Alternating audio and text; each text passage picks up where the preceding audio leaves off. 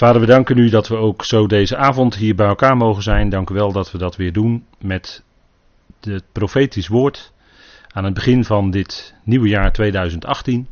We danken u dat u ons een nieuw jaar geeft en boven dat jaar staat dat het een jaar van u is, Vader. Dank u wel dat we dat mogen beseffen, dat de tijden altijd in uw hand zijn. Dank u wel dat we op u mogen vertrouwen, mogen opzien naar u. Wetend, Vader, dat u ons nooit los zal laten. U laat niet varen de werken van uw handen. Zoals de psalmist dat zo mooi zegt. We danken u dat u vasthoudt, dat u draagt, dat u ons lief hebt. Dat er niets tussen u en ons kan komen. Maar dat we altijd geborgen zijn in uw liefde. We danken u daarvoor en we danken u ook voor deze avond. Geef ons leiding en wijsheid, woorden, beelden. Wat nodig is om iets van uw woord te kunnen verstaan. Het is een moeilijk hoofdstuk, wat al veel interpretaties heeft opgeleverd, vader. Maar dank u wel dat we aan de hand van de schrift zelf mogen kijken en schrift met schrift mogen vergelijken. En zo stapje voor stapje verder komen in wat u bedoelt. Vader, geeft u ons daarin een geopend hart, een geopend oor, om die voetstappen van uw zoon te ontdekken, die we al bijna horen en die in de wereld zullen gaan klinken als de juiste tijd daar is. Vader, dank u wel dat we met Israël ook daarna uit mogen zien. Vader, dank u wel dat u een goede vader bent. Dank u wel dat we uw naam mogen danken, loven en prijzen. In die machtige naam van uw geliefde Zoon, onze Heer Christus Jezus. Amen. Goed, ik wilde graag dan met u lezen die eerste versen van Openbaring hoofdstuk 13, waar het gaat om het beest uit de zee. Zo langzamerhand een uh, gevleugelde uitdrukking. Nou komen er ook wel in Daniel wel wat vleugels voor bij die beesten. Maar laten we eerst maar eens even kijken wat daar ook alweer staat. Openbaring 13. En ik lees u dan vanaf vers 1 uit de herziene statenvertaling. En ik zag uit de zee een beest opkomen dat zeven koppen en tien horens had. En op zijn horens waren tien diademen en op zijn koppen lastelijke naam.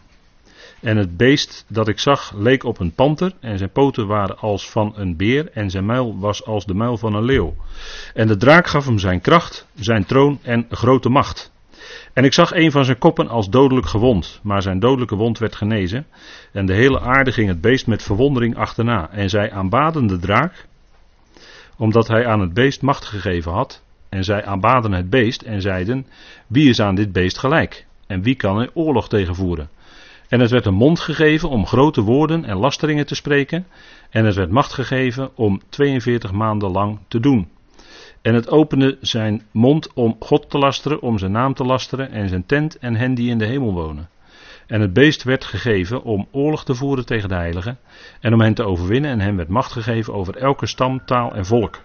En allen die op de aarde wonen zullen het aanbidden, van wie de namen niet geschreven zijn in het boek des levens van het lam, dat geslacht is vanaf de nederwerping van de wereld.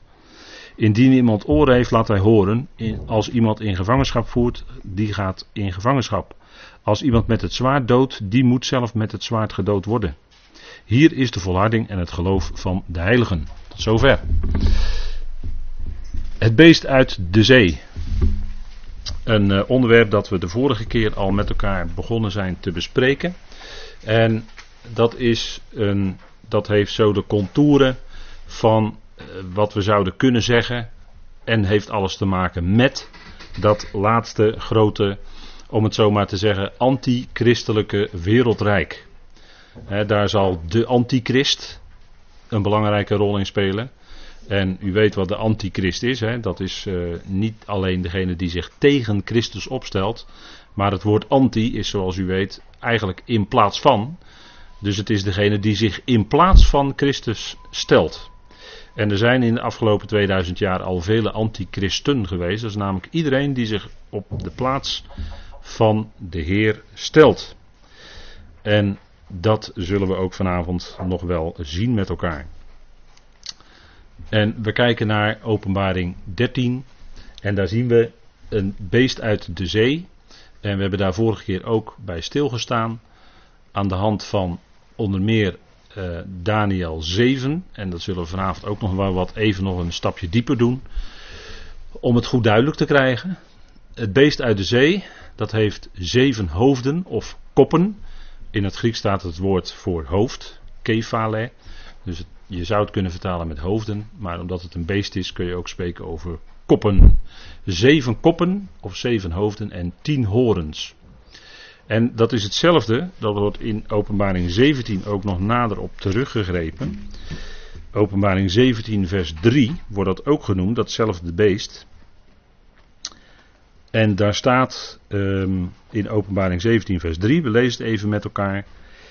En in de geest bracht hij mij naar een, naar een woestijn. En ik zag een vrouw zitten op een scharlakenrood beest dat vol van lastelijke namen was, met zeven koppen en tien horens. Dus dat is onmiskenbaar hetzelfde beest, hè, wat we in Openbaring 13 dus ook al tegenkwamen. En in vers 7 wordt daar ook nog aan gerefereerd. De boodschapper zei tegen mij: Waarom verwondert u zich? Ik zal u het geheimenis vertellen van de vrouw en van het beest dat haar draagt. Dat de zeven koppen heeft en de tien horens. Dus dat is hetzelfde beest als in Openbaring 13. Dat kan eigenlijk niet anders. Hè? Nou, die zee. Er staat in Openbaring 13, vers 1. En ik zag uit de zee een beest opkomen. Wat is de zee volgens de schrift? Dat is de volkeren. De volkeren worden in de schrift vergeleken met de zee. Ook met het ongedurige van de zee, de zee die opgezweept wordt en de volkeren die ongedurig zijn, die heen en weer geslingerd worden, opgezweept worden. Vooral in deze tijd, want de chaos en de ellende en de oorlogen lijken alleen maar toe te nemen. er worden allerlei beloften gedaan, maar die worden dezelfde dag of de dag daarna al verbroken. In Jezaja vinden wij ook zo'n opmerking over volkeren en zeeën. En laten we die ook even met elkaar lezen. Dan kunt u zien dat het niet zomaar iets is dat alleen in openbaring zo genoemd wordt. Maar ook in Jezaja 17 zien we dat al. Daar staat in, open, of in Jezaja 17 vers 12.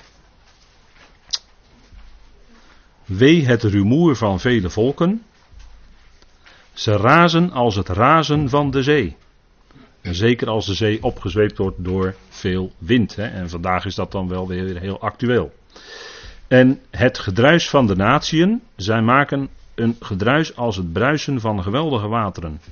Al maken de natieën een gedruis als het bruisen van machtige wateren, hij bestraft het. En ze vluchten ver weg. Het wordt opgejaagd voor de wind uit als kaf op de bergen, voor de wervelwind uit als werveldistels.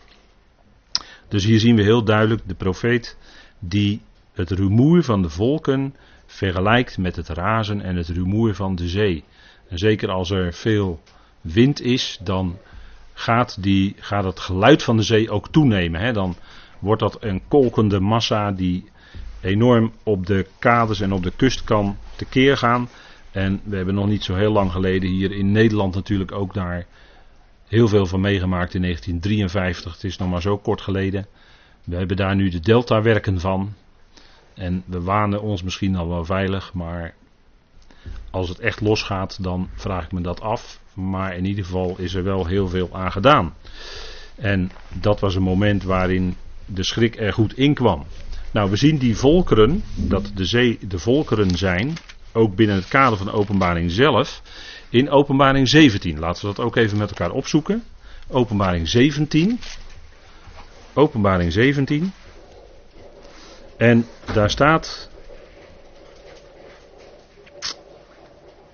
En een van de zeven engelen die de zeven schalen hadden kwam en sprak met mij en zei tegen mij: Kom, ik zal u het oordeel over de grote hoer laten zien die aan vele wateren zit. En dan wordt dat in vers 15 wordt dat uitgelegd wat dat is. En er staat er: En hij zei tegen mij: de wateren die u gezien hebt, waaraan de hoer zit, zijn volken, menigten, naties en talen. Dus hier ziet u de uitleg. Die zeeën, dat zijn de volkeren. dat zijn menigten en talen en volkeren. We gaan even naar het volgende plaatje kijken, wat we vorige keer met elkaar ook bekeken hebben. Dat is dat beest, dat bestaat uit zeven koppen, dus zeven dat moet u voorstellen als zeven leiders. want hoofd in de Bijbel heeft ook wel degelijk te maken met leiderschap, met uh, verantwoordelijkheid hebben voor en daar uh, in verband daarmee ook um, de controle hebben over. Controleren in de goede zin dan. Um, dat is de functie van hoofd in de schrift. En Paulus die zegt daar ook iets over in 1 Corinthië 11 bijvoorbeeld. Daar noemt hij de rangorde zoals God die heeft ingesteld. In 1 Corinthië 11, dat weet u wel. Dan zegt hij dat God is het hoofd van Christus. Christus is het hoofd van de man. En de man is het hoofd van de vrouw. En dat is eigenlijk, hè, daarin zien we ook uitgelegd wat de rangorde, wat de volgorde is eh, die God heeft ingesteld. En het mogen duidelijk zijn dat uh, in de tijd waarin wij leven, al noem ik alleen al uh, het onderscheid tussen man-vrouw, dat dat volledig, uh, men wil dat volledig wegpoetsen. Hè. Denk maar aan de NS bijvoorbeeld. Dat bericht kent u wel, denk ik. Nou, dat is een bepaalde agenda dat men dat weg wil poetsen, want het is, en dan kijken we er even geestelijk naar, dat is een uitproberen te wissen van de scheppingsordening zoals God die gegeven heeft. dat is het helemaal wegpoetsen van het verschil tussen man en vrouw. Dat mag er niet meer genoemd worden. En zelfs uh, vandaag las ik een bericht, dat kreeg ik doorgestuurd, um, waarin de Zweedse kerk, een Zweedse kerk, die had maar besloten dat alle verwijzingen naar de Heer Jezus moesten dan ook maar niet meer uh, mannelijk of vrouwelijk zijn, dus niet meer hij, maar dat moest dan ook zoveel mogelijk onzijdig zijn. Dan ziet u waar men mee bezig is. Maar ik vertel u dat het een bepaalde agenda is. Daar zit een agenda achter, natuurlijk. Wat denkt u nou? Denkt u dat het zomaar uit de lucht komt vallen? Of denkt u dat dit door de meerderheid van de wereldbevolking democratisch besloten is dat dit zo moet? Nee, natuurlijk niet. Wordt allemaal opgelegd. Wordt allemaal doorgevoerd. En we, we, we lezen dat door berichten in de media. Dus dat hele, en daarmee raak je dus ook kwijt, en daar, dat heeft natuurlijk alles mee te maken. Uh, God is het hoofd van Christus, Christus is het hoofd van de man, de man is het hoofd van de vrouw. Christus is ook het hoofd uiteindelijk over het al. Hè? Christus zal uiteindelijk aan de top staan. En onder hem zal alles geschikt worden. En dat is juist die ordening, en daar waar het naartoe gaat, dat is het plan van God. Daar waar het naartoe gaat, daar gaat men dus regelrecht tegenin, hè, over anti gesproken. Dan zien we dus dat de antichristelijke geest dit alles natuurlijk teweeg brengt. En wat dacht u in Nederland van antisemitische of anti-Joodse incidenten? Die worden zoveel mogelijk gebagatelliseerd. Het wordt weggemoffeld, zo snel mogelijk in de doofpot gedaan. Gedaan alsof of, of het over iets anders ging dan over anti-Joodse uitingen u ziet dat, en, en men uit de protesten uit de samenleving eh, komen er eigenlijk nauwelijks, en vanuit de politiek ook niet. Eh, dus u ziet dat de zaak aan het kenteren is. En dat die enorme uitbarsting van antisemitisme, die door de Heer Jezus is voorzegd, hè, jullie zullen door alle volken gehaat worden om mijn naam, dat zit eraan te komen. Dat zit eraan te komen. En uh, dat is waar we alert op zouden zijn. Niet dat we dat allemaal kunnen tegenhouden. Helemaal niet. Dat kunnen we helemaal niet tegenhouden. Want het kwaad moet zo hoog opgestapeld worden dat er een moment moet gaan komen dat God gaat ingrijpen. maar dat is ook precies. Kijk, dat, dat kun je vergelijken. Ik moet er heel sterk denken natuurlijk aan die gehele geschiedenis met de farao. Die weerstand van de farao die moest zo groot worden, opdat uiteindelijk die naam van God verheerlijkt zou worden en die bekend zou worden gemaakt over de hele aarde. En het gebeurt tot op vandaag de dag nog steeds. Dus men gaat nu massaal in. Anti, hè, anti. Men gaat massaal in tegen Gods geopenbaarde woord, zijn wil. Maar niettemin werkt God door dit alles heen toch zijn bedoeling uit. Met andere woorden, hij heeft alle touwtjes in handen. En dat het kwaad zo hoog moet komen, dat moet ook komen, dat is ook allemaal voorzegd. Daarvoor zijn we ook met de openbaring bezig. Om te lezen met elkaar hoe hoog het moet gaan komen, maar dat moet ook zo gebeuren. En dat is ook terug te lezen in de tekst van, ja, daar, daar heeft u misschien niet zo direct bij stilgestaan toen we het lazen, openbaring 13, maar dat blijkt uit de tekst. Dat dit van Gods wegen uiteindelijk zo moet gaan. Anders kan het niet. dus God heeft beide kanten volledig onder controle. En hij werkt door alles heen zijn verborgen bedoeling uit. Want daar gaat het om. En zo zal hij uiteindelijk ook alles in allen zijn. Dat moeten we goed beseffen als we hiermee bezig zijn. Dat dit komt allemaal heel groots en, en dat is het ook. Komt het op ons af. Maar dit is ook wat moet gebeuren. Het, kan gewoon niet anders dan zo. Dit is voorzegd. Dit is vastgelegd door God. En dat bestuderen we met elkaar. En dan zullen we straks, uh, van, nu zien we het hier met, uh, terwijl we hier nog uh, op deze aarde rondspartelen met z'n allen. Hè, maar straks zullen we van bovenaf zien. Hoe dat gaat. En dat is voor ons natuurlijk een geweldig uitzicht. Hè? Want openbaring is natuurlijk de onthulling van Jezus Christus. Hè? Dat moeten we nooit vergeten. Afgelopen zondag werd daar nog terecht zeer duidelijk op gewezen. Het is de openbaring van Jezus Christus. Hij wordt dan onthuld. Hè? Daar gaat het boek Openbaring over. Het gaat natuurlijk over allerlei gebeurtenissen. Dat is allemaal interessant om te bestuderen. En goed om te bestuderen. Maar het gaat uiteindelijk om dat de Heer Jezus Christus wordt onthuld. Het gaat om Hem. Hij is degene die was, die is en die komt. En Hij komt, zeker. Alleen het, het, is, op, het is op Gods tijd. Hij is nu nog verborgen voor de wereld, maar denk erom dat hij straks geopenbaard zal worden. En dat iedereen zal hem zien. En dan zal het ook tijd worden dat de volkeren die nu zo opgezweept worden en zo onrustig zijn, dat die dan tot rust zullen komen. Zeker, dat gaat allemaal zeker komen. Dat is voorzegd. En omdat God tevoren alles weet, dat is de voorkennis van God, zoals we dat uh, dan met elkaar vaststellen. Gods voorkennis, nou, omdat hij de voorkennis heeft, betekent tegelijkertijd dat hij alle touwtjes in handen heeft. Want hij zal het ook precies zo, precies langs dat, die lijnen voeren die hij uitgezet heeft. Dus daar valt helemaal niets door ons tegen in te brengen. Alleen wij houden als gemeente onze plaats in ons dagelijks leven. Die plaats die God ons gewezen heeft. Nou, dat is uh, wat wij zullen zien in de nabije toekomst. Keren we even terug naar openbaring 13. Het gaat om zeven koppen, zeven hoofden. Hè? Het woord hoofd wordt hier nadrukkelijk genoemd. En naar aanleiding daarvan heb ik daarnet een aantal dingen gezegd. Naar aanleiding van het hoofd zijn van Christus uiteindelijk. Over heel de schepping. Nou, wij mogen hem nu al erkennen als ons hoofd. Dat lijkt me toch een geweldige vaststelling. Dat wij de Heer Jezus Christus nu al mogen kennen. Hij is het hoofd van de gemeente. We nu al onze knieën mogen buigen voor hem. Ja, dat is toch, denk ik, heel fijn. Hè, dat we dat met elkaar mogen zien. Nou, zeven koppen, zeven hoofden en tien horens heeft dat beest. Dat uh, beest wat er verschrikkelijk tekeer zal gaan. Wat alles zal verslinden. Hè? En dat beest, dat hebben we ook de vorige keer gezien. Dat is het westelijke. Dat is Daniel 7. Daniel 7. Dit plaatje heb ik u de vorige keer ook laten zien. En dat was misschien toch voor sommigen van u wel verrassend. Dat het ook zo zou kunnen zijn. Laat ik voorzichtig zijn hoor, want dit is uh, een, een mogelijkheid. Ik zeg wel, dit is een goede mogelijkheid. Het is een goede mogelijkheid dat het zo in elkaar steekt. Want in de eindtijd gaat het wel degelijk om religie.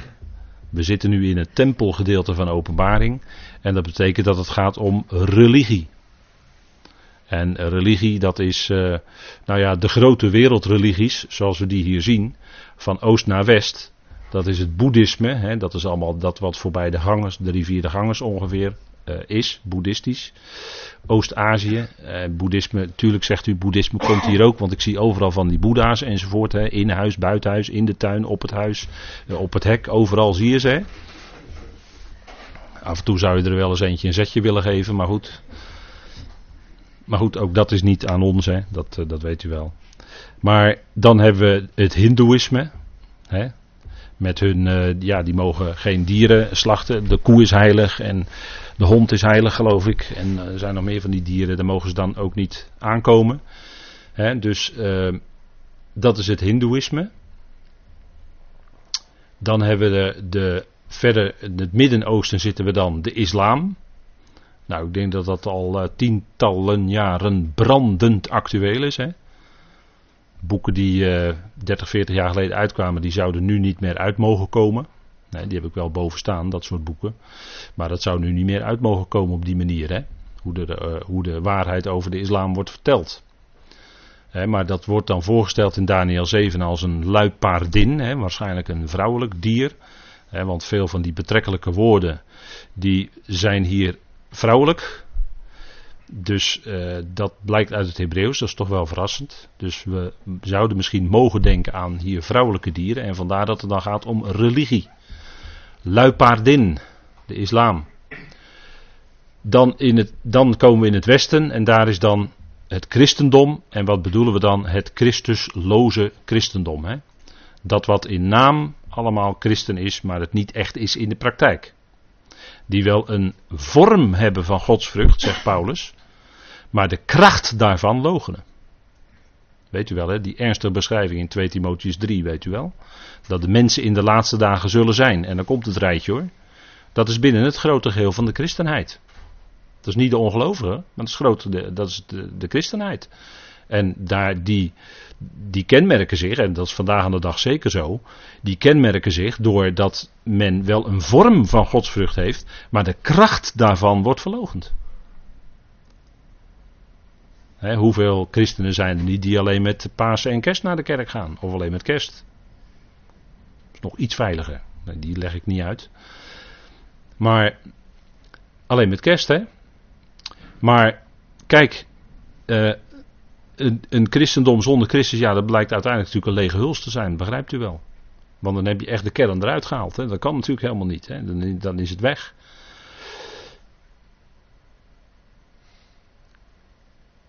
En men wordt geregeerd door mensen. En als ik in Nederland kijk, wat binnen het protestantisme misschien wel, mag ik heel voorzichtig zeggen hier, mainstream is geworden, is de vrijzinnigheid. Vrijzinnige Bijbelopvatting. Ja, het staat er wel zo, maar het is niet zo bedoeld. Of uh, ja, het staat er allemaal wel, maar het is niet echt gebeurd. Dat hè. Oh ja, is het niet echt gebeurd? Nou, ze graven al aardig lang in het Midden-Oosten. Hè? Daar heb ik wel eens voorbeelden van gegeven. Hè? Laatst had ik ook nog een gesprekje met iemand erover. Nineveh was ook zo leuk hè. In de wetenschap zeiden ze, Nineveh heeft nooit bestaan hoor, nooit wat van gevonden. En toen ging er een Duitser die ging graven en hij vond Nineveh. En zo gaat het steeds. Kijk, als je het niet weet, dan zeg ik altijd, blijf maar lang genoeg graven daar. En dan kom je het vanzelf tegen. Daar, hoeven echt niet zo, daar hoeven echt niet zo moeilijk over te doen. en of Jezus wel echt geleefd heeft, weet u wel, dat, dat soort twijfelvragen allemaal. Nou, daar ben ik heel snel klaar mee hoor. Heel snel. Er is veel meer bewijsmateriaal geschreven over Jezus dat hij geleefd heeft, dan wie dan ook in de wereld ooit. Veel meer. Allemaal teruggevonden, allemaal betrouwbaar materiaal, vastgelegd. Alsjeblieft, wat wil je dan nog meer? Maar dat komt natuurlijk uit een bepaalde hoek, hè, dat begrijpt u wel. Maar daarom zeg ik, de vrijzinnigheid is binnen het protestantisme mainstream geworden. Het waren vroeger kleine clubjes als de remonstranten, weet u wel die waren vrijzinnig. Ja, die werden ook zo bekeken. die hadden maar één dogma, dat was de vrijzinnigheid zelf. maar zo uh, tegenwoordig is dat algemeen geworden. Men twijfelt aan de Bijbel. Bekende, bekende coryfeeën op televisie. Die, uh, die ja, ja, evolutie, evolutieschepping. Ja, ja. Ja, misschien moet je dat proberen met elkaar te verzoenen. Met, in, elkaar te, in elkaar te leggen. Nou, daar zijn we ook heel snel klaar mee, hè. Als we Genesis 1 lezen, dan ben je klaar. Als je dat gelooft, ben je gewoon klaar. Toch? Of is, of is het nu wat ik zeg te hard? Maar het is gewoon geloven in het woord. Dan kom je, daar kom je echt verder mee. En ga je alles betwijfelen en beredeneren. En zou het dan wel zo zijn dat en twijfel. Nou, u weet wat twijfel is. Abraham deed dat niet. En die staat bekend als een gelovige en natuurlijk kun je wel eens vragen hebben, maar ga dan daarmee naar zijn woord en bid daarvoor, leg het aan vader voor. En lees in zijn woord wat daar staat geschreven en geloof dat. Lees wat er staat, geloof wat er staat, dan heb je wat er staat. En dat is, dat is het belangrijkste, daar draait het om. Maar het christendom van tegenwoordig is in feite een, een christendom zonder Christus, bloedeloos. Dat, dat theologen toch maar heel moeilijk hebben dat de Heer Jezus aan het kruis zo moest sterven en zijn bloed werd gestort daar. Ja, inderdaad, zijn bloed werd gestort. Het ging tot en met de dood, het ging heel ver, het ging heel diep. Maar zijn bloed werd daar gestort. Waartoe, waarvoor? Voor rechtvaardiging van allen. Niet zomaar wat, die hele mensheid. Daar ging het om. En dat is gebeurd. Daarvoor, is, daarvoor heeft hij zijn leven gegeven aan het kruis. Bloed werd gestort. We zijn gerechtvaardigd in zijn bloed. Spreekt van zijn ongelooflijke lijden aan het kruis. En, en daar zouden we dagelijks blij en dankbaar voor zijn. maar dat, dat wordt in het christendom steeds meer op de achtergrond geschoven. En het gaat om andere dingen. Het gaat om het bouwen van het koninkrijk hier op aarde. Dat soort zaken. dat is het Christusloze christendom. En, en terwijl het christendom eigenlijk vrede en, en genade zou moeten prediken, is, zijn de christelijke, zogenaamde christelijke landen, ik heb het erop gezet, Europa en Amerika, twee werelddelen, dat zijn de meest zwaar bewapende, geavanceerde, bewapende uh, gebieden die er zijn die, die landen, ik, ik noem u alleen maar de geallieerde landen, dat weet u zelf ook wel. Frankrijk, Duitsland, eh, Groot-Brittannië, Amerika, die hebben de meest, dat zijn de meest zwaar bewapende naties ter wereld. Israël ook natuurlijk. Maar die, die hoort niet zozeer bij de geallieerden, denk ik. Maar dat, dat, dus, dus men heeft allerlei wapens om zichzelf te verdedigen, om eventueel ook aan te vallen in andere delen van de wereld. En terwijl het christendom zou moeten prediken, de verzoening en de genade en de liefde van God. Maar er komen tanks en vliegtuigen die bommen gooien. Zo, zo ziet men dat in, daar in die gebieden. Dat zijn de christelijke landen, die, die, die komen die, die gebieden, gebieden verpletteren. Met, met alle uraniumstraling en ziektes en gevolgen die dat heeft. Zoveel doden, ongelooflijk veel doden. Uranium wordt er allemaal met verrijkt, uh, verruimd uranium, granaten enzovoort allemaal. Het is, het is en dat komt dan uit, uit landen die het christendom hoog in het vaandel hebben staan. De zogenaamde van oudsher christelijke landen. Dus het christusloze christendom, dat dat inderdaad monsterlijk is met ijzeren tanden, zoals het daar staat, koperen klauwen. En met, straks met tien horens die volgens Daniel 7 die andere drie oostelijke dieren zal verslinden. Ja, dat kan heel goed. En daarvan zien we ook denk ik al wat. Hè, sinds uh, de Twin Towers uh, in elkaar gestort zijn. En uh, daar gingen de legers hè, richting Irak, Afghanistan enzovoort. En u wil niet weten wat ze daar gedaan hebben. Ik heb er net al iets van gezegd. Dat is wat, hè, dat is wat. En dan zie je toch van nou, het zou wel eens kunnen zijn dat deze visie vanuit Daniel 7, dat dit religieus is we praten nu niet over Daniel 8, dat is wat anders. Maar Daniel 7, dat het religieus is, dat zou wel eens heel goed kunnen. En dat uitgerekend hetzelfde beeld naar voren komt in openbaring 13 in het tempelgedeelte. Dus het gaat om religie. Tempelgedeelte van openbaring. Dat is misschien toch niet zo toevallig. Dat zijn dan toch wel dingen die we meenemen met elkaar. Kijk, in het oosten heb je het boeddhisme. En wat is nou die vleugels? Dat was een dier in Daniel 7 met twee vleugels. En misschien zou je kunnen zeggen dat is ooit toen het begon het noordelijke en het zuidelijke deel. Want het is enigszins een noordelijk en een zuidelijk deel. En het werd een mensenhart gegeven, staat dan in Daniel 7. Aan het dier werd een mensenhart gegeven? Die leeuwin. En misschien is het boeddhisme ook wel het meest menselijke van, van die godsdiensten. Maar denk erom, in het boeddhisme is de mens eigenlijk zijn eigen god.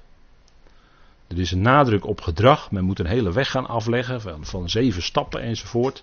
Hè, totdat men uiteindelijk uh, zichzelf overwonnen heeft. Dat wil zeggen het lijden ontvlucht. En dan komt men in het nirvana. Hè, het niets eigenlijk. Door meditatie.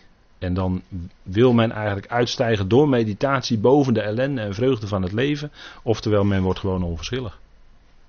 Men staat er gewoon stoïcijns tegenover. Dat, dat bewerkt het uiteindelijk. Hè? En wat zegt de boeddhisme nog meer? Het bestaan is een vloek. En ze ontkennen de dood ook hè, in het boeddhisme. Want dat ziet men als een overgang, een vorm van wedergeboorte, naar een andere bestaansvorm.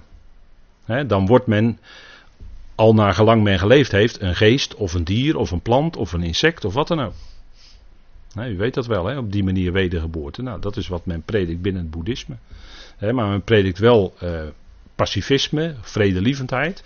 Dus misschien is dit toch wel de meest uh, aardige of de meest menselijke van die religies. Hè? Nou, even in vogelvlucht, dan hebben we nog het Hindoeïsme, dat is die Berin. En daarvan wordt één deel opgezet, en dat zou kunnen zijn, want het, eh, het Hindoeïsme zegt dat ooit was er die oppergod Brahma, en die heeft dan de Brahmanen, dat zijn dan de priesters, opgezet hè, als, als uh, de leidende kasten. Want in India kennen ze, in het Hindoeïsme kennen ze het kastensysteem, hè, dat weet u wel. Hè? Nou, de, de Brahmanen die staan dan eigenlijk bovenaan in die uh, denkbeeldige piramide. Hè, dat zijn de priesters of de geleerden. En die steunen eigenlijk op de rest. Hè. Die mogen eigenlijk uh, van de rest eten en alles wat ze maar zich willen toe-eigenen, mogen ze. Want zij zijn degene die door Brahma als Brahmanen, als priesters zijn aangesteld. Hè, dus zij eten min of meer die andere drie op. En dat zou misschien kunnen zijn dat die drie ribben in de mond, dat dat die lagere drie kasten zijn van het Hindoeïsme. want er wordt in Daniel 7 gesproken over drie ribben. Het had drie ribben in de mond, die berin. Dat dat de lagere kasten zijn, dat zijn de uh, de strijders-heersers, de Vaishya, de landbouwers of de handelaars. En dan heb je de onderste, dat zijn de Shudra, de burgers of de arbeiders. En dan heb je nog het afschuwelijke daar, dat zijn de kastelozen. Hè? Dat zijn de outcasts, letterlijk, van die maatschappij. Die noemen zichzelf de pandiet. dat is verschrikkelijk. Die mensen hebben helemaal geen rechten, helemaal niets. Dat zijn de kastelozen. Ja, dat is afschuwelijk, zo'n systeem. Hè? Maar dit systeem is al, al eeuwen en al eeuwenlang zo in India. En uh, u kent de verschijnsel van de goeroes enzovoort, die dan verlicht zijn en die allerlei aanhangers hebben en, enzovoort enzovoort. Maar zo zit het in elkaar, hè, dit systeem. En dat zou misschien op die manier te verklaren zijn, dus dat die Brahmanen, dat ene deel wat echt opgezet is, van die berin, die andere drie ribben in de mond heeft en eet enorm veel. Hè? Die Brahmanen die mogen van die lagere kasten leven. Nou, het is een verklaring, zou een verklaring kunnen zijn. Dan hebben we nog de islam. En daar hebben we natuurlijk ook mee te maken, hè, sinds uh, de jaren 60 van de vorige eeuw. Uh, die, daar gaat het om een luipaardin met vier vleugels en vier koppen of vier hoofden. Nou, die vleugels zou kunnen duiden op de snelheid van het verspreiden, want de islam die is in, vooral in de begintijd enorm snel verspreid. Hè. Uh, niet te vuur, maar zeker wel te zwaard. Zeker te zwaard. En uh, dat is toen heel snel gegaan en als het zich verspreidt gaat het heel snel. Dat is een kenmerk, hè? vleugels. En die vier hoofden, dat is vaak toch wat minder bekend, denk ik, bij de mensen. Dat zijn de vier hoofdstromen, dat kun, kan wijzen op de vier hoofdstromen van uitleg in de islamitische wetgeving. En dan heb je de Hanafieten, de Malikieten, de Hanbalieten en de Shafiiten. En dan ziet u hier achter op deze dia ziet u ook de, uh, ziet u ook de plaatsen waar die uh, leerlingen uh, opgeld doen. Hè? En het wordt ook autoriteit. Er wordt ook gesproken over autoriteit, politieke regering, volmacht. Want de islam kenmerkt zich dat men, als men ergens komt, men ook een islamitische heerschappij wil vestigen. u weet wel dat kalifaat, wat men wil vestigen. En uiteindelijk wil men het wereldkalifaat vestigen. Maar dat is nog toekomst. Daar zullen we straks ook nog wel even iets met elkaar van zien. Hoe dat, uh, wat die verwachtingen zijn binnen die islamitische wereld. En dus dat zou kunnen duiden op die vier hoofden, hè, die vier hoofdstromen in uitleg van de islamitische wetgeving. Hè, want zo wordt het gezien. Het is uh, heel veel jurisdictie, het is heel veel wetgeving binnen de islam. Hè. Dus enorme religieuze, enorme wettische uh, gebeuren is het. Echt uh, een religie, vijf keer per dag bidden hè, met het hoofd naar Mekka toe enzovoort. Elke vrijdag naar de moskee gaan en dat soort dingen. Um, en als er uh, problemen zijn, dan gaat men naar de imam en dan krijgt men raad van de imam enzovoort. Hè. Dus zo, zo werkt dat natuurlijk. Nou, vier hoofdstromingen. Dus daar zouden die vier koppen van die luipaardin op kunnen wijzen. En dat is vooral de Arabische wereld. Plus, nou, inmiddels ook al heel wat landen in Afrika.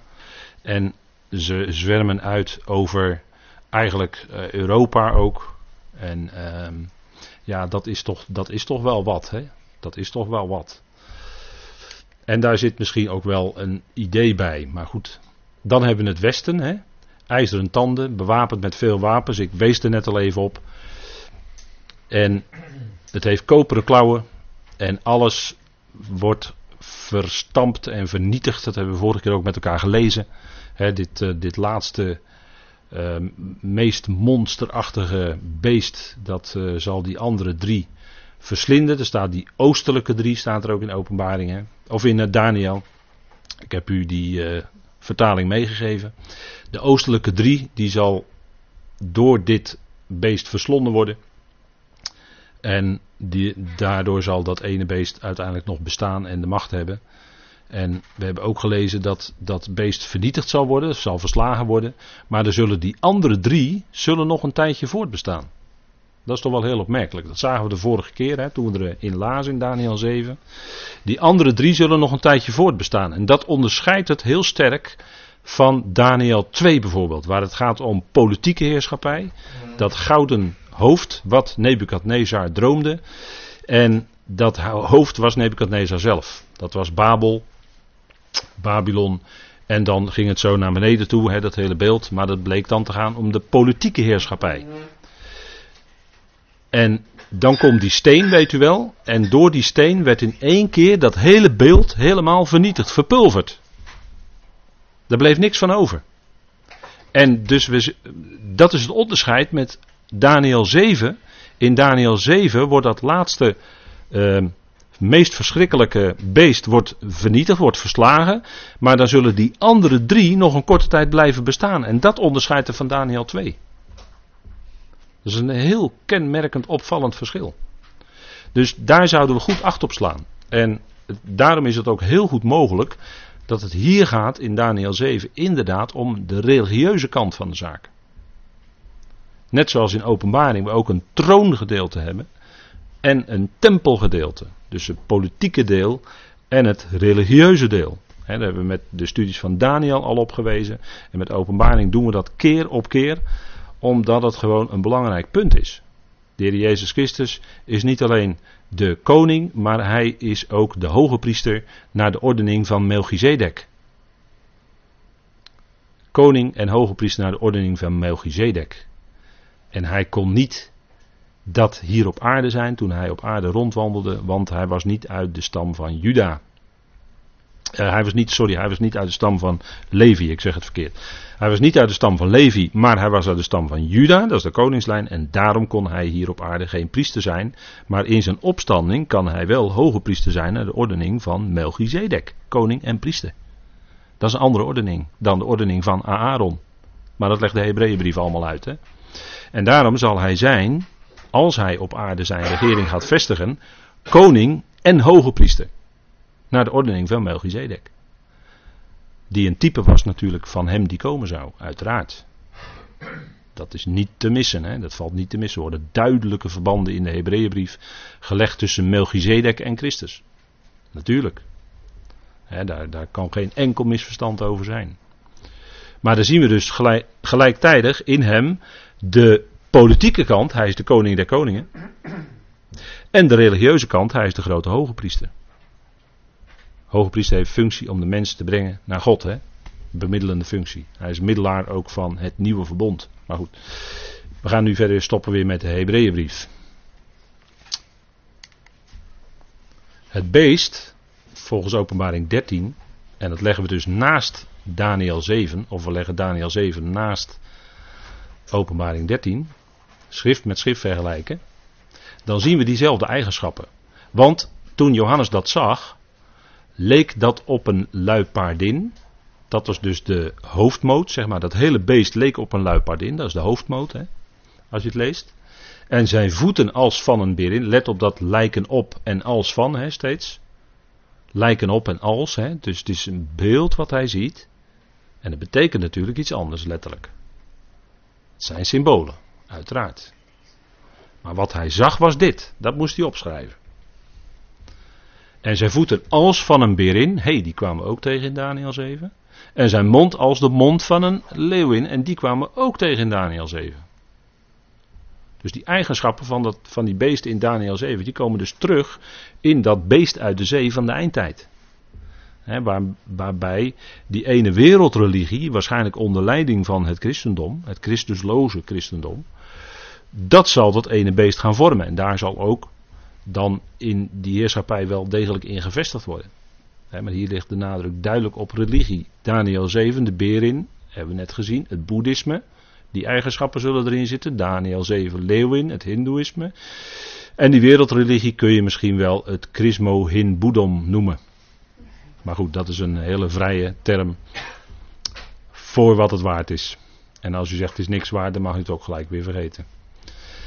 Maar deze uitleg kunt u terugvinden in een boek van broeder Nog. En dat is de Concordant Studies in the Book of Daniel. Bladzijde 216 tot 229. Kunt u het zelf allemaal nalezen. Dus dat is de bronvermelding. Maar u ziet dus dat het beest, dat lijkt heel sterk op wat in Daniel 7 ook al te zien was. En wat nu verder wordt ingevuld. En de draak, dat is ook wat we niet voor, aan voorbij moeten lezen. En de draak, die, weet u wel, die grote vuurrode draak, gaf het zijn kracht, dynamisch, hè, en zijn troon. Dus het zal een heel krachtig beest zijn waar, waar niks tegen bestand is. En een troon, heerschappij, hè? Troon spreekt van heerschappij. En grote volmacht. En volmacht wil zeggen dat je de macht ontvangt van een hogere orde. Nou, die hogere orde is hier de Satan. in bepaalde kringen ook met, uh, wordt hij ook Lucifer genoemd. Is geen Bijbelse uitdrukking trouwens. Lucifer komt uit de Vulgata. Maar, let op hè, Lucifer. En dan zien we dus dat er één wereldreligie komt. En dit is een, uh, een plaatje uit, uh, dat gepubliceerd is door het Katholiek Nederlands Persbureau. Daar zien we dus Satan aan de kop staan, bovenaan. En van on, daaronder religieuze machten, politieke machten, economische machten. Wat uit monden in een wereldreligie, een wereldregering en een wereldeconomie. En we hebben natuurlijk al een wereldbank. En we hebben al, uh, weet ik wat allemaal. Hè. Dus uh, ja, zeg ik even in het kader van de wereldeconomie. Er is natuurlijk al een wereldbank. Hè, en de machtigste bank ter wereld, dat is de BIS. Hè, in, uh, ja, ik kan niet zeggen in Zwitserland, want het is statusloos gebied. Hè. Dat is helemaal stateloos gebied. Daar gelden de Zwitserse wetten niet. Hè, waar de BIS, de BIS-bank, daar gaan alle transacties langs. De Bank of International Settlements. In de buurt van Basel is dat. Moet u maar eens opzoeken op internet. Kunt u wel wat over terugvinden. dat is eigenlijk de centrale bank van de centrale banken van de wereld. Daar zijn alle centrale banken van de wereld op aangesloten. zo werkt dat systeem. En daar komen op, op vergaderingen komen daar eens in zoveel tijd, eens per maand geloof ik, als ik het goed heb, komen alle president-directeuren van de centrale banken bij elkaar. En die hebben dan overleg. Zoals dat heet. die hebben overleg. Maar u kunt zich heel goed voorstellen, althans dat denk ik dan erbij, dat dat is om al die neus in dezelfde richting te houden en te, te krijgen en te houden. die moeten allemaal diezelfde kant op. zo werkt dat in zulk, uh, zulk hoog niveau afsprakenclubs. Zoals er wel meer van zijn in de wereld. Nou, zo werkt het systeem, dus van bovenaf, vanuit de Satan. Dus alle religieuze uh, zaken, religieuze machten, die uh, zijn op een of andere manier naar een heel hoog niveau terug te voeren. Hè? Uh, als ik u zeg dat de Jehovah's getuigen en de Mormonen op het hoogste niveau eigenlijk hetzelfde is. Dat het gewoon hetzelfde club is. Hoogste niveau, hè? Dat is zo hoor, dat is zo. Nou, dan, dan ziet u hoe dat systeem werkt. Hè. Wordt allemaal van bovenaf wordt dat gedirigeerd zo naar onderen toe.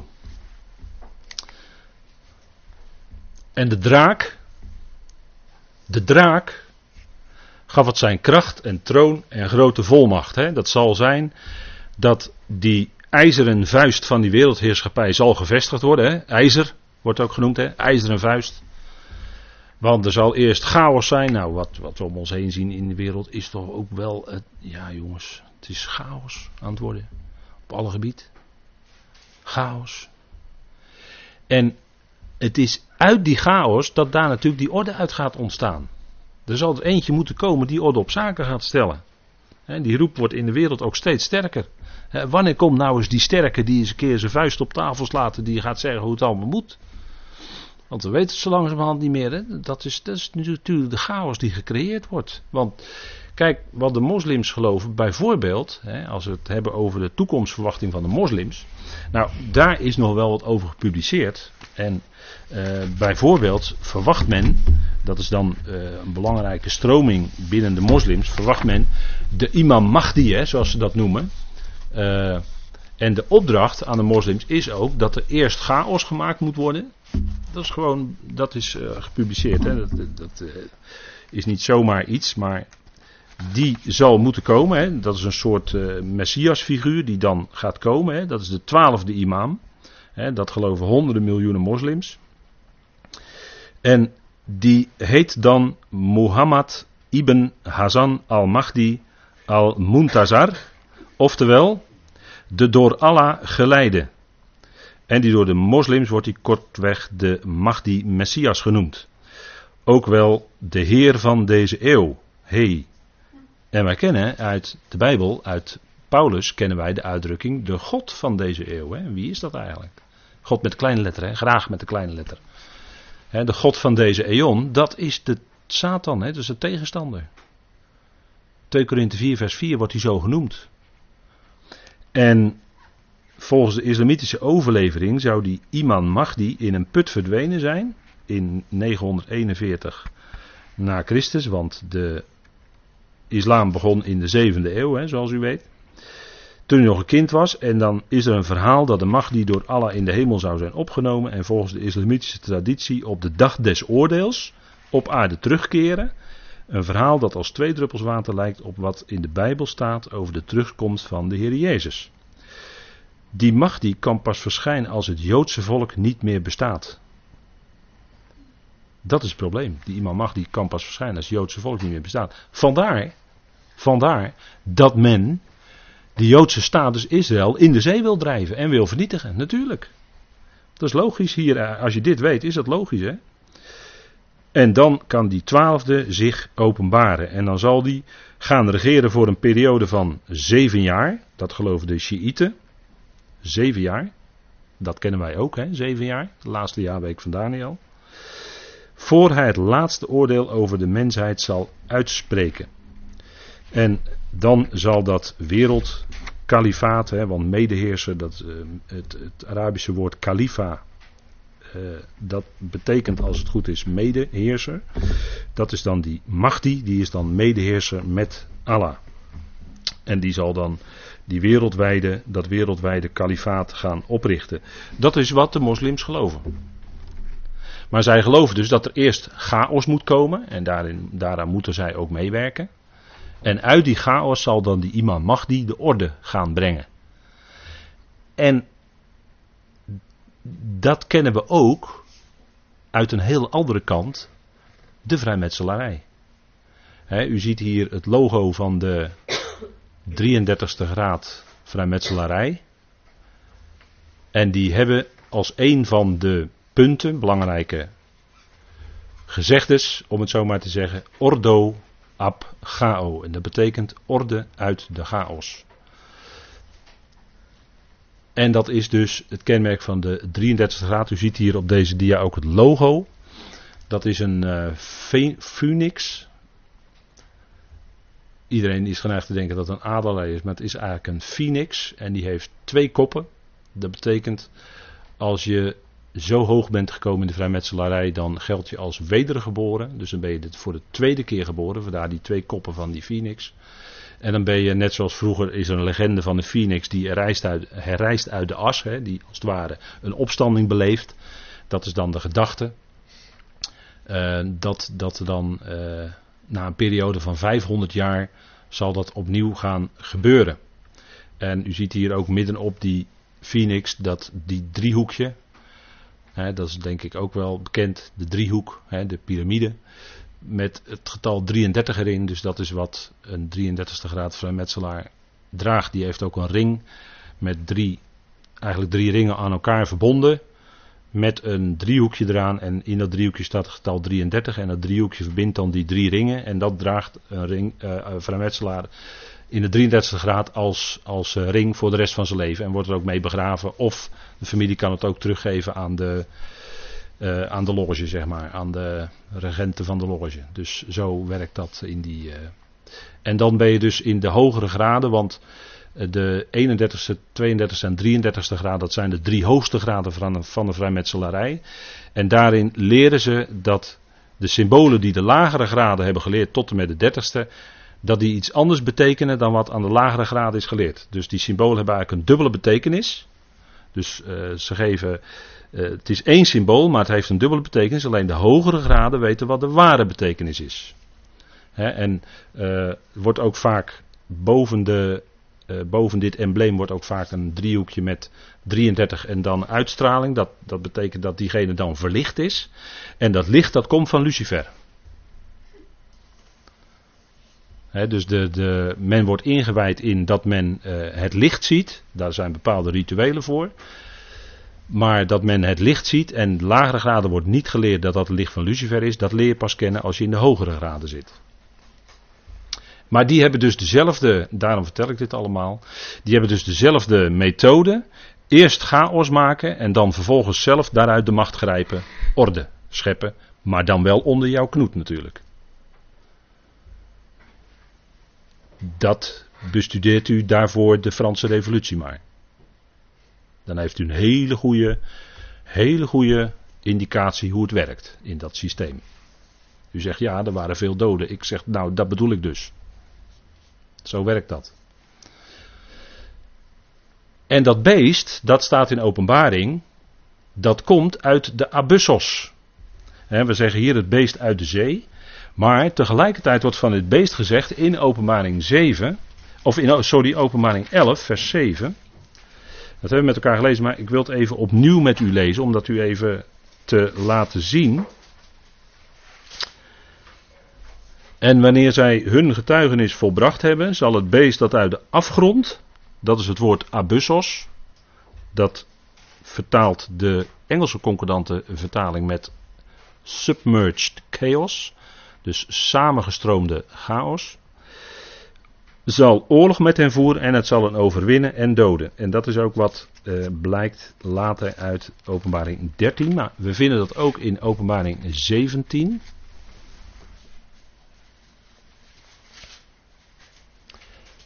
Openbaring 17, vers 8. Openbaring 17, vers 8. Daar staat het beest dat u gezien hebt, was en is niet. En het zal opkomen uit de afgrond. Ziet u het? Staat weer hè. Het zal opkomen uit de afgrond, de abyssos, de chaos. En naar het verderf gaan. En zij die op de aarde wonen, van wie niet vanaf de nederwerping van de wereld de naam geschreven staat in het boek des levens, zullen zich verwonderen als zij het beest zien dat was en niet is, hoewel het is. Dat is een enigmatische uitspraak, hè? Maar daar zullen we dan bij de bespreking van openbaring 17 nog wel verder op ingaan, wat dat betekent. Maar in ieder geval staat hier, dat stellen we vast met elkaar, dat dat beest, dat komt dus uit de afgrond. En ik heb verder op deze dia, die we, we gaan daar verder niet uh, die teksten allemaal uh, op in. Maar op deze dia nummer 11 van deze presentatie ziet u verder alle teksten in het Nieuwe Testament waar dit woord abyssos voorkomt. En dan kunt u dat verder zelf bestuderen. Er wordt in openbaring 20 ook iets gezegd over de Satan, hè, wat daarmee gebeurt aan het begin van de duizend jaar. Er wordt ook iets gezegd over de abyssos dan. Dat weet u wel. En dan zien we ook een opmerkelijk iets wat gaat gebeuren. En dat zal natuurlijk wereldwijd enorm schokkend zijn. Uh, dat is als er een van die koppen of hoofden geslacht wordt tot in de dood. Dat zal een wereldwijde opschudding zijn. He, een van zijn hoofden, dat, wil dus, dat gaat dus om een leider, die zal uh, geslacht, geslacht, dus uh, aangeraakt worden, geraakt worden zodat hij doodgaat. En dat zal wereldwijd enorme opschudding veroorzaken. Nou, u ziet hier een bekende foto van een bekend gebeuren. Dit is de moord op John F. Kennedy op uh, 22 november 1963. En dit is die beruchte, dit is een fragment uit de beruchte Zapruder film. Wat u waarschijnlijk wel gezien heeft. Maar met die film is ook geknoeid. Met die Zapruder film is ook geknoeid. Jawel. Daar staat ook niet op de waarheid. maar goed, daar ga, daar ga, ik nu niet te diep op in. Die, al die gebeurtenissen op zo lang geleden. Het was natuurlijk afschuwelijk wat er gebeurde. De Amerikaanse president werd gewoon in koele bloeden, midden op de dag, met iedereen om hem heen. Alleen de veiligheidsmensen waren bij de auto weg. Die stonden normaal op zo'n auto, maar die waren nu weg. Er staan geen veiligheidsmensen op, die hadden er wel moeten staan. Maar die werden bevolen eerder weg te gaan. Was ongebruikelijk. En in een hele open auto. Ja, ik geef maar een paar details hoor, want u kunt er zelf heel erg veel over vinden, neem ik aan. Er zijn ook boeken over geschreven. En hij werd op afschuwelijke wijze vermoord. Maar dan wel op zeker hoor. Op zeker. En dat gebeurde dus ook. En dat was natuurlijk een wereldschokkende gebeurtenis. Staat bij vele mensen die toen leefden in het geheugen gegrift. Alsof de tijd stilstond die dag natuurlijk, toen dat bericht kwam. Nou, zoiets gaat ook in die eindtijd dan gebeuren. Als een van die leiders van dat wereldrijk ook gedood wordt. en dan, dan zal het helemaal sensationeel zijn.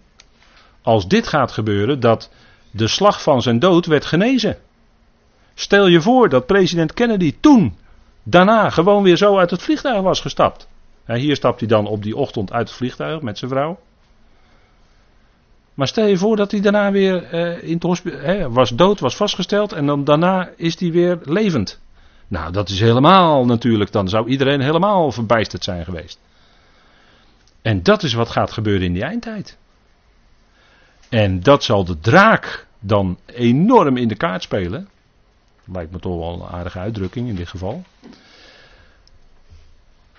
En de hele wereld, de hele aarde zal met verbazing, hè, want dan staat het woord taumazo in het Grieks, dat betekent enorm, ja, echt, echt verstom van verbazing zijn, ging de hele aarde het wilde beest achterna.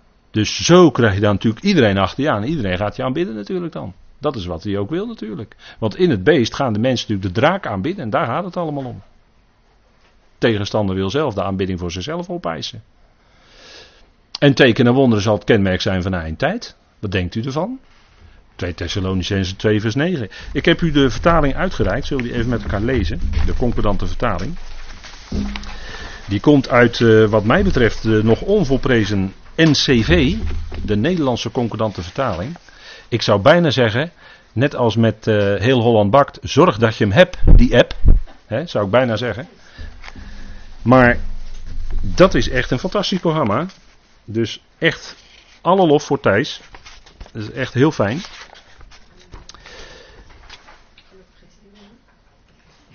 En daar staat in 2 Thessalonicense 2 vers 9 en dan gaat het om die wetteloze. Lees even vanaf vers 8. En dan zal de wetteloze onthuld worden. Hem zal de Heer Jezus optillen met de geest van zijn mond en buiten werking stellen door de verschijning van zijn aanwezigheid. Wiens aanwezigheid, dat is dus van die wetteloze, in overeenstemming is met de werkzaamheid van de Satan. Let op hè. In alle kracht en tekenen en wonderen van valsheid. Want daar kun je de mensen mee meenemen met bovennatuurlijke zaken. Daar krijg je de mensen wel mee mee hoor. Tekenen en wonderen. Dat wat niet controleerbaar is. En dan zeg ik van waarom denkt u dat binnen de Pinksterbeweging juist spreken in tongen, genezingen, profetieën, bovennatuurlijk, allemaal drie bovennatuurlijke dingen, waarom die zo belangrijk zijn? Nou, wat denkt u ervan? Terwijl we weten uit de schrift dat het zaken zijn die bij die tijd hoorden. En die nu niet gelden, maar straks weer wel. Als het koninkrijk gaat doorbreken. Het koninkrijk van de Messias Jezus. Dan weer wel, maar nu niet in deze tijd, zegt Paulus. 1 Korinthe 12, 13, 14. Lees die hoofdstukken maar na. Dan wordt het duidelijk. Maar als je dus nu zo enorm uit bent op krachten, tekenen en wonderen, dan heb je goede kans dat je daarmee in een heel ander programma terechtkomt.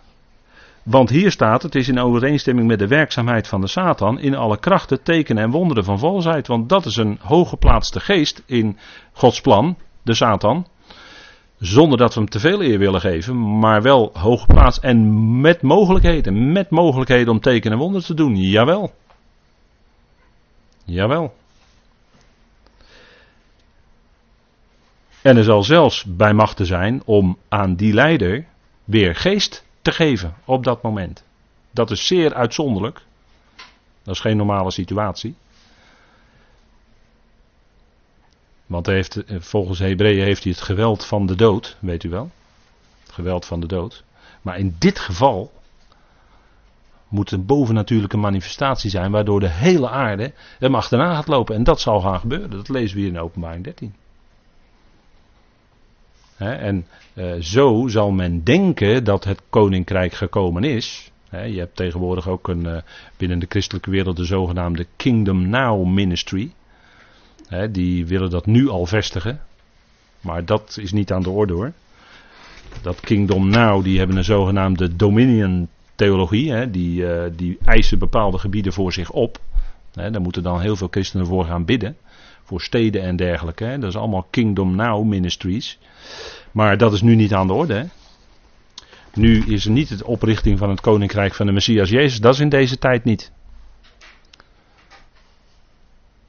Die, dat wordt in deze tijd niet opgericht. Eerst moeten deze dingen van openbaring allemaal gaan plaatsvinden. En daarna zal inderdaad hij komen als de koning der koningen en de heer van de heren. Inderdaad, daarna. Maar eerst moeten al die gerichten komen en moet al die enorme kracht van dwalingen en tekenen en wonderen komen. En, en, dan zal de hele aarde misleid worden, dan zal de hele aarde de tegenstander achterna gaan. Dat staat hier allemaal in openbaring 13. En daarna zal de Heer komen als de grote ruiter op het witte paard, openbaring 19. En zal hij de wereld verlossen, jawel. Hij zal komen. En daarom is openbaring, vind ik ook een boek van hoop, van uitzicht, van verwachting. Want hij gaat komen, de Heer Jezus Christus. Hij zal die hele aarde verlossen van al die ellende. Van het moeten aanbidden, verplicht aanbidden van de tegenwerker enzovoort. Nou, dat is een ellende hoor, want als je het niet doet, word je onthoofd. Zo zal het zijn hoor, in de eindtijd. Het is niet zo gezellig. Het is echt knoet van de dictatuur tot en met. Ongekend in de wereld wereldwijd zal dan gaan plaatsvinden wat tot nu toe alleen in enkele communistische landen gebeurd is. Maar dan zal het wereldcommunisme zijn. Daar zijn we naar op weg hoor, met z'n allen. En wat een genade dat de Heer ons dan roept. Dat is niet dat wij zomaar een ontsnappingsclausule hebben verzonnen. Nee, dat is wat Gods woord laat zien. 1 Thessalonicense 4. Dat is onze hoop, dat is onze verwachting. En laten we dan elkaar aanspreken met deze woorden, zegt Paulus met die woorden van verwachting, van troost. Waarin we elkaar weer zullen terugzien als de bazuin gaat. Fantastisch moment. Nou, dat is uh, denk ik goed om uh, met die gedachte te gaan pauzeren. We gaan koffie drinken.